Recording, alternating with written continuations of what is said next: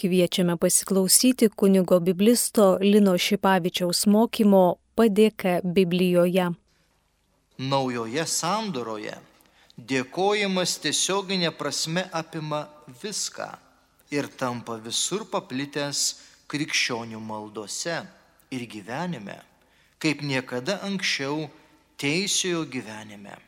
Biblinis dėkojimas yra visiškai krikščioniškas, tačiau tai nėra išskirtinai krikščioniška šventė ta prasme, kad Sename testamente, kaip prašome, Izraelitai Dievui teikė šlovinimą, bet ne padėką.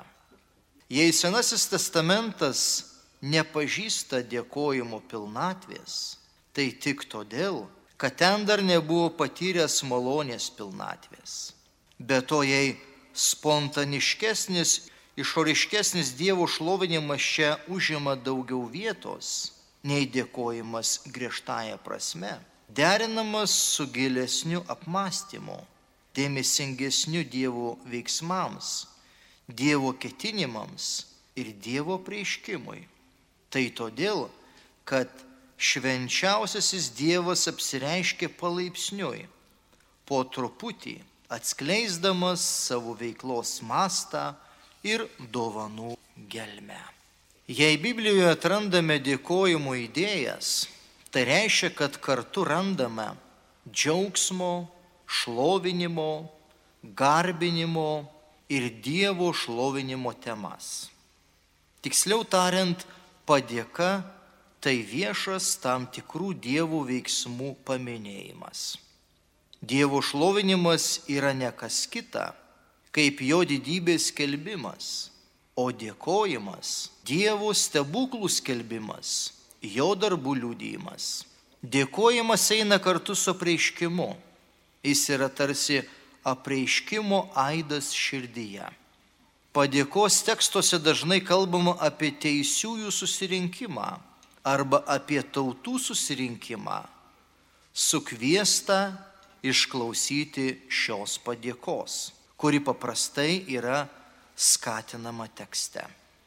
Hebrajų kalboje mintis su pagarba ir dėkojimu pasakoti apie dievų darbus išreiškiama veiksmažodžiu todach, kuris dažnai perteikiamas vertimu dėja mažiau išraiškingų ir nelabai tikslių žodžių dėkoti. Savoka, kuri regis išryškina padėkos idėją Sename testamente ir tikriausiai tiksliausiai apibūdina religinę padėkos teikėjų laikyseną, yra daiktavardis palaiminimas, hebrajiškai barak. Ji išreiškia labai svarbių mainų tarp dievų ir žmogaus idėją. Į Dievo palaiminimą teikiančio kūrinį gyvybę ir išgelbėjimą, žmogus atsako savo palaiminimu. Sujaudintas Dievo galybės ir dosnumo, žmogus dėkoja savo kuriejui. Pažvelkime brangiai padėkos istoriją. Dėkojimas turi klasikinį literatūrinį modelį, kurį ypač lengva pastebėti psalmėse. Jis ypač gerai atskleidžia tą dėkojimo bruožą, kuris apibūdinamas kaip žmogaus reakcija į tam tikrus dievų veiksmus. Dėkingumo užgautą išgelbėjimą išpažinimas paprastai vyksta pasakojimu, kurį sudaro trys dalys. Pirmoji dalis - grėsiančio pavojaus aprašymas. Antroji dalis - prispaustųjų malda.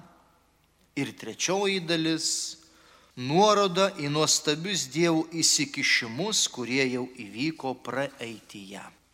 Šis literatūrinis žanras identiškų pavydalų kartojasi visoje Biblijoje. Jame randame vis tą pačią terminologinę tradiciją, tą pačią psalmėse, giesmynuose ir pranašiškose giesmėse. Jei padėka yra viena, tai todėl, kad ji yra atsakas į vieną Dievo darbą. Visi konkretūs Dievo veiksmai daugiau ar mažiau tiksliai pristatomi kaip atskiri didžiosios besitęsiančios istorijos etapai. Padėka tarsi pakelia visą biblinę istoriją, pratesdama ją į eschatologinę viltį. Padėkos diena tapo įkvėpimo šaltiniu ne tik tam tikintiesiems labai seniems literatūriniams tekstams, kuriuose išreikšta Izraelio tikėjimo pilnatvė. Mozės giesmiai ar Deboros giesmiai. Taip pat labai tikėtina, kad visos seniausios tradicijos ir visa Izraelio istorija buvo pagrįsta tam tikros rūšies kultiniu tikėjimu išpažinimu. Tai didingi dalykai, kuriuos Dievas padarė savo tautai, buvo skelbiami kaip padėka. Taigi nuo pat pradžių tikrasis tikėjimas išpažįstamas būtent dėkojant.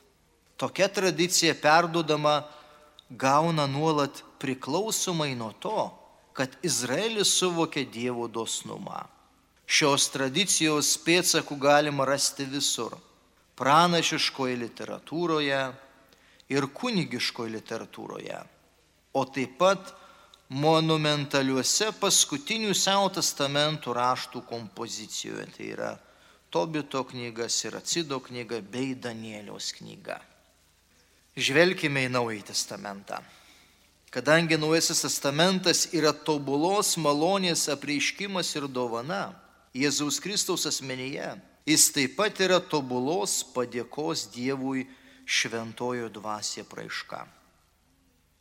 Septogintos dėka krikščioniška terminija remiasi Senojo testamento tradicija. Padėka glaudžiai susijusi su tikėjimu išpažinimu, su šlovinimu, išaukštinimu ir ypatingu būdu su palaiminimu. Tačiau yra ir vienas naujas terminas, beveik nežinomas Sename testamente tai yra Eucharisteo ir Eucharistija. Jis minimas visose Naujojo testamento puslapiuose, daugiau nei 60 kartų. O tai rodo, kad dėkojimas kaip atsakas į Dievo mums Jėzuje Kristų suteiktą malonę yra originalus ir svarbus. Krikščioniškoji padėka yra Eucharistija, o jos pilniausia išraiška sakramentinė Euharistija, viešpaties padėka, kurią pats viešpats dovanoja savo bažnyčiai. Didingiausias viešpaties veiksmas yra dėkojimo veiksmas. Auka, kurią Jėzus paukojo savo gyvybę, atiduodamas ją tėvui. Ir dėl jų aš pašvenčiu save, kad ir jie būtų pašvesti tiesa. Evangelija pagal Joną, tas skyrius 19 eilutė yra mūsų Euharistija. Per paskutinę vakarienę ir vėliau ant kryžiaus Jėzus atskleidė tai, kas davė krypti visam jo gyvenimui ir mirčiai. Padėka kylanti iš jo sūniško širdies. Jėzaus kančia ir mirtis buvo būtinos, kad sunus galėtų visiškai pašlovinti savo tėvą. Tačiau nepaisant to, visas Jėzaus gyvenimas buvo nuolatinis dėkojimas, kartais net aiškus ir iškilmingas, visada siekiant patraukti žmonės į tikėjimą ir kartu su Kristumi dėkoti Dievui. Pagrindinis šios padėkos objektas yra Dievo darbas, Mesijo pažadų išsipildymas, kuris pasireiškia stebuklais žodžio, kurį Dievas atsiuntė žmonėms dovana. Mokinių padėka. Bažnyčios praturtinimas Euharistijos dovana išreiškia šią labai svarbę tiesą. Tik Jėzus Kristus yra mūsų tikroji padėka, kaip ir tik Jis yra mūsų Dievo šlovinimas. Tai tas, kuris pirmiausia dėkoja Dievui, o krikščionys tik po jo ir jame. Krikščioniškojo padėkoje, kaip ir kiekvienoje krikščioniškojo maldoje, Kristus yra vienintelis pavyzdys ir vienintelis tarpininkas. Pirmieji krikščionys suvokdami gautą dovaną ir patraukti mokytojo pavyzdžio, dėkojimą netgi pavertė kertiniu viso savo naujo gyvenimo akmenio. Gausumas, su kuriuo pasirodo ši padėka, pernelik stebina. Tai Luko Evangelijos pirmo ir antro skyrių giesmės, kurios kaip analogiškos Seno testamento giesmės gimė iš ilgo religinio apmąstymo apie tam tikrų įvykių turinį. Tai apaštalų ir pirmųjų krikščionių bendruomenių dėkojimo refleksai. Bet visų pirma didėjai Pauliaus tekstai, kurie taip atvirai liūdėja jo nuolatinį dėkojimą ir kartais įgauna iškilmingo palaiminimo pobūdį. Be to, pasak Pauliaus, visas krikščionių gyvenimas, net visos bažnyčios gyvenimas yra pagrystas ir pripildytas nuolatinio prašymo ir dėkojimo. Dėkojimo objektas, nors lydimas įvairių įvykių ir ženklų, išlieka tas pats. Dievo karalystė, Evangelijos skelbimas, Kristaus liepinys ir bažnyčios turimi atpirkimo vaisiai. Apie tai kalba laiškas Efeziečiams pirmas skyrius nuo trečios iki keturioliktos eilutės. Apokalipsė išplečia dėkojimo horizontą iki amžino gyvenimo dimensijų. Dangiško Jeruzalėje, kai mesijinis darbas jau bus užbaigtas, dėkojimas taps tyru šlovės kupinu, šlovinimu ir akinančiu Dievo bei jo amžinosios didybės kontempliavimu. Na ir pabaigai. Šventas raštas retai kalba apie dėkojimą žmonėms. Jis taip pat ir žmogaus dovanas laiko Dievo dovanomis. Kiekvienas geras davinys ir tobula dovana ateina iš aukštybių, nužengia nuo šviesybių tėvo, kuriame nėra jokių atmainų ir jokių subrieškų. Laiškas Jokūbo pirmas skyrius 17 eilutė. Tokiu būdu beveik bet koks dėkojimas šventame rašte Dievui. Senasis testamentas kalba apie dėkojimo aukas ir dėkojimo giesmes. Tačiau hebrajų kalboje trūksta žodžio dėkoti. Izraelis sakė Dievui ačiū, kai jis Dievą gyrė ir šlovino. Tai buvo išreiškime pažodžiu hodach. Iš čia kilo todach, kuris reiškia gyrimas arba dėkojimas.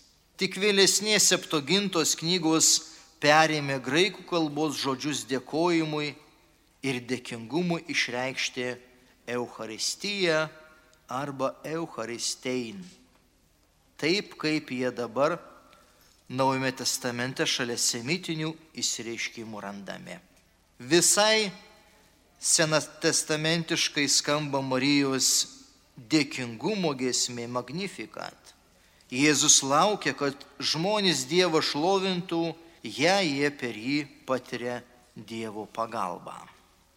Jis atmeta dėkojimo maldą, kuri giria savo paties atliktus darbus. Bendrai dėkojimas atitinka išganimo įsiskleidimą ir apreiškimą istorijoje. Dėkojimas yra išganomųjų dievų darbų aidas. Jo jėga auga šio įsiskleidimo eigoje. Naujo testamento raštuose, kuriuose tikintysis protu pasineria į apsireiškusi išganimą, dėkingumo išsivystimas vidinė savo jėga ir veržlumu pasiekia aukščiausiai lygį.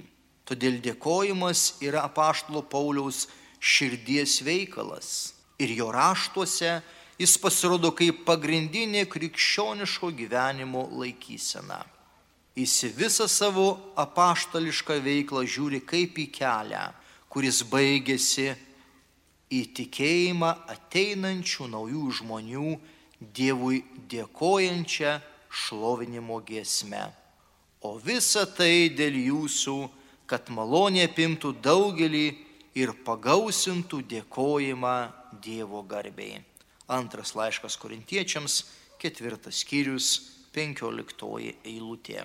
Visa, ką žmogus daro ar kalba, viskas turi būti daroma Jėzaus vardu ir tėvui už tai dėkojama. Tas tinka taip pat ir valgymui. Jeigu aš valgau dėkodamas, kasgi man priekaištaujama dėl to, už ką aš dėkoju Dievui?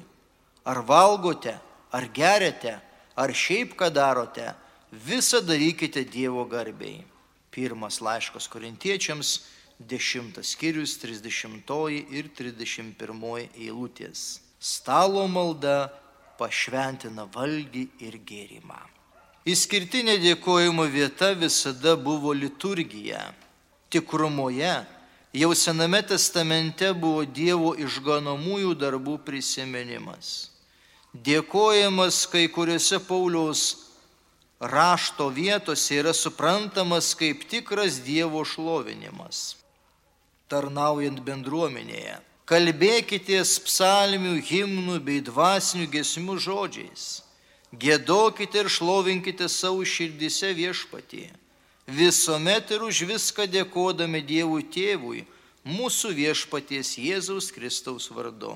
Laiškas Efeziečiams 5 skyrius nuo 19 iki 20 eilutės. Krikščionių padavime Eucharistinė viešpaties vakarienė dar prieš Paulių buvo atliekama dėkojimo maldos forma minėtoje prasmėje. Taip pat ir danguje dėkojimas yra neatsitiktinis, o pagrindinis dalykas Dievo tarnyboje pilname savo atbaigime. Na ir brangiai antroji dalis kalbėsime apie vienybę.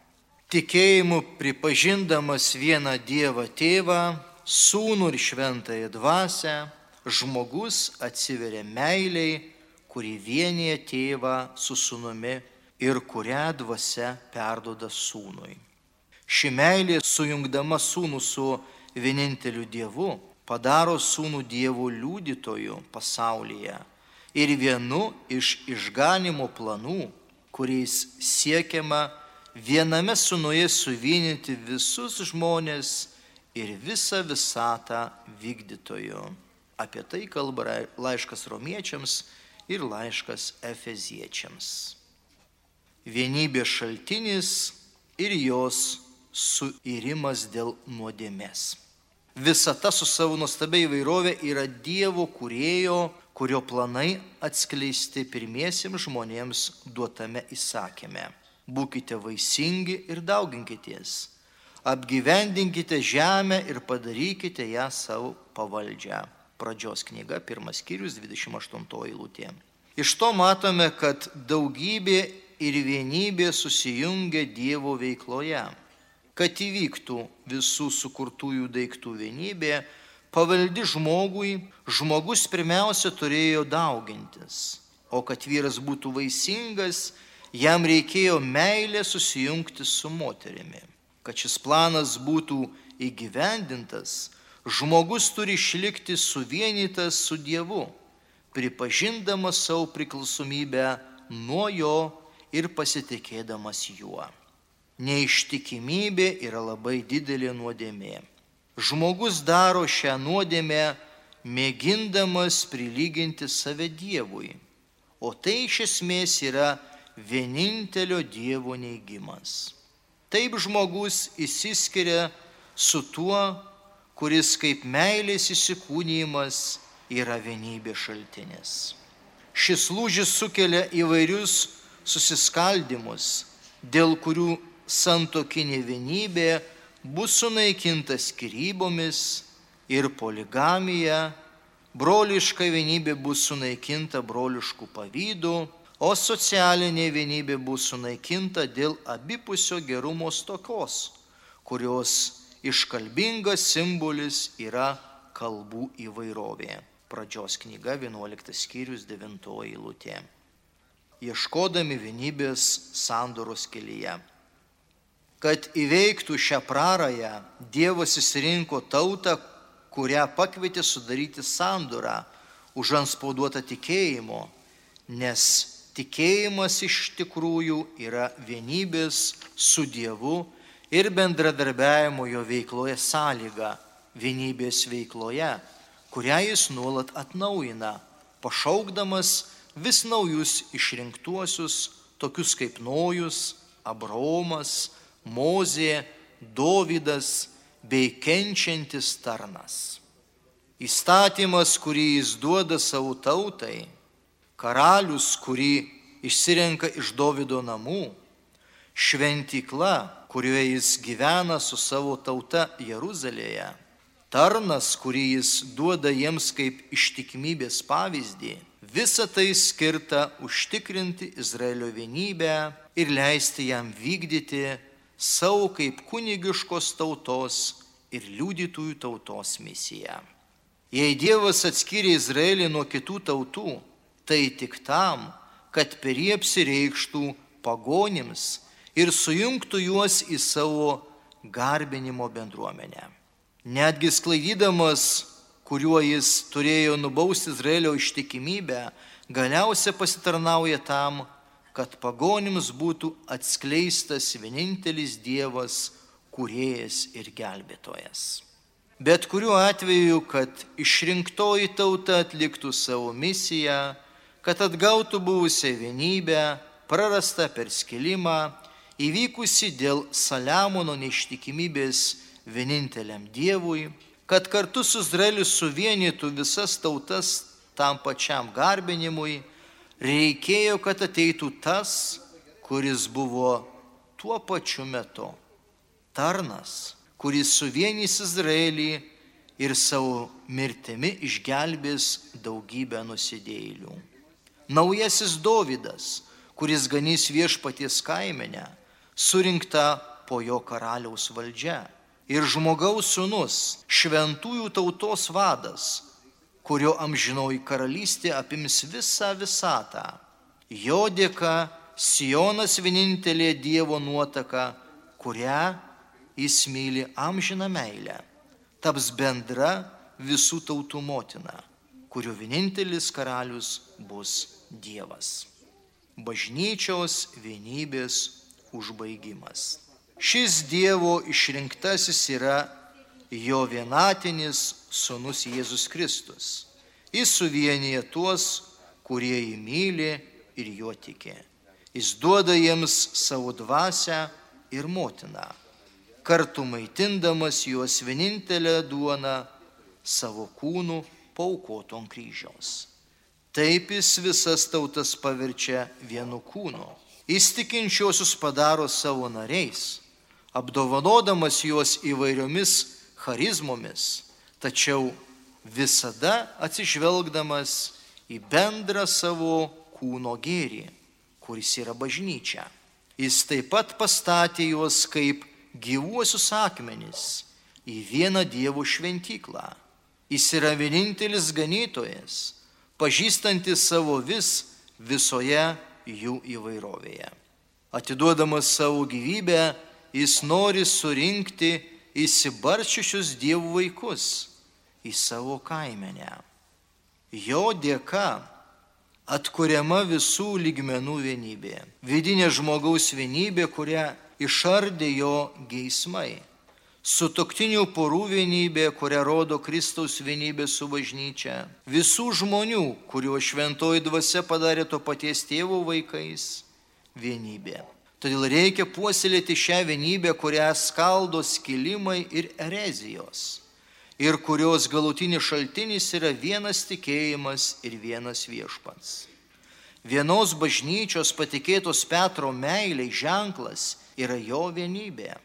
Vaisius, kurį duoda tie, kurie pasilieka Kristaus meilėje ir ištikimai laikosi jo įsakymų. Aš jums duodu naują įsakymą, kad jūs vienas kitą mylėtumėte, kaip aš jūs mylėjau, kad ir jūs taip mylėtumėte vienas kitą. Jono Evangelija, 13 skyrius, 34 eilutė. Jų ištikimybė ir meilės vaisingumas matuojami pagal tai, kiek jie yra susivienę su Kristumi, kaip šakelės su vynmedžiu. Krikščionių vienybė būtina, kad juose atsiskleistų tėvo meilė, apreikšta pasauliui, atiduodant už mus savo vienatinį sūnų. Ir kad visi žmonės būtų viena Kristoje. Tik tada įsipildys šis didžiausias Jėzaus troškimas.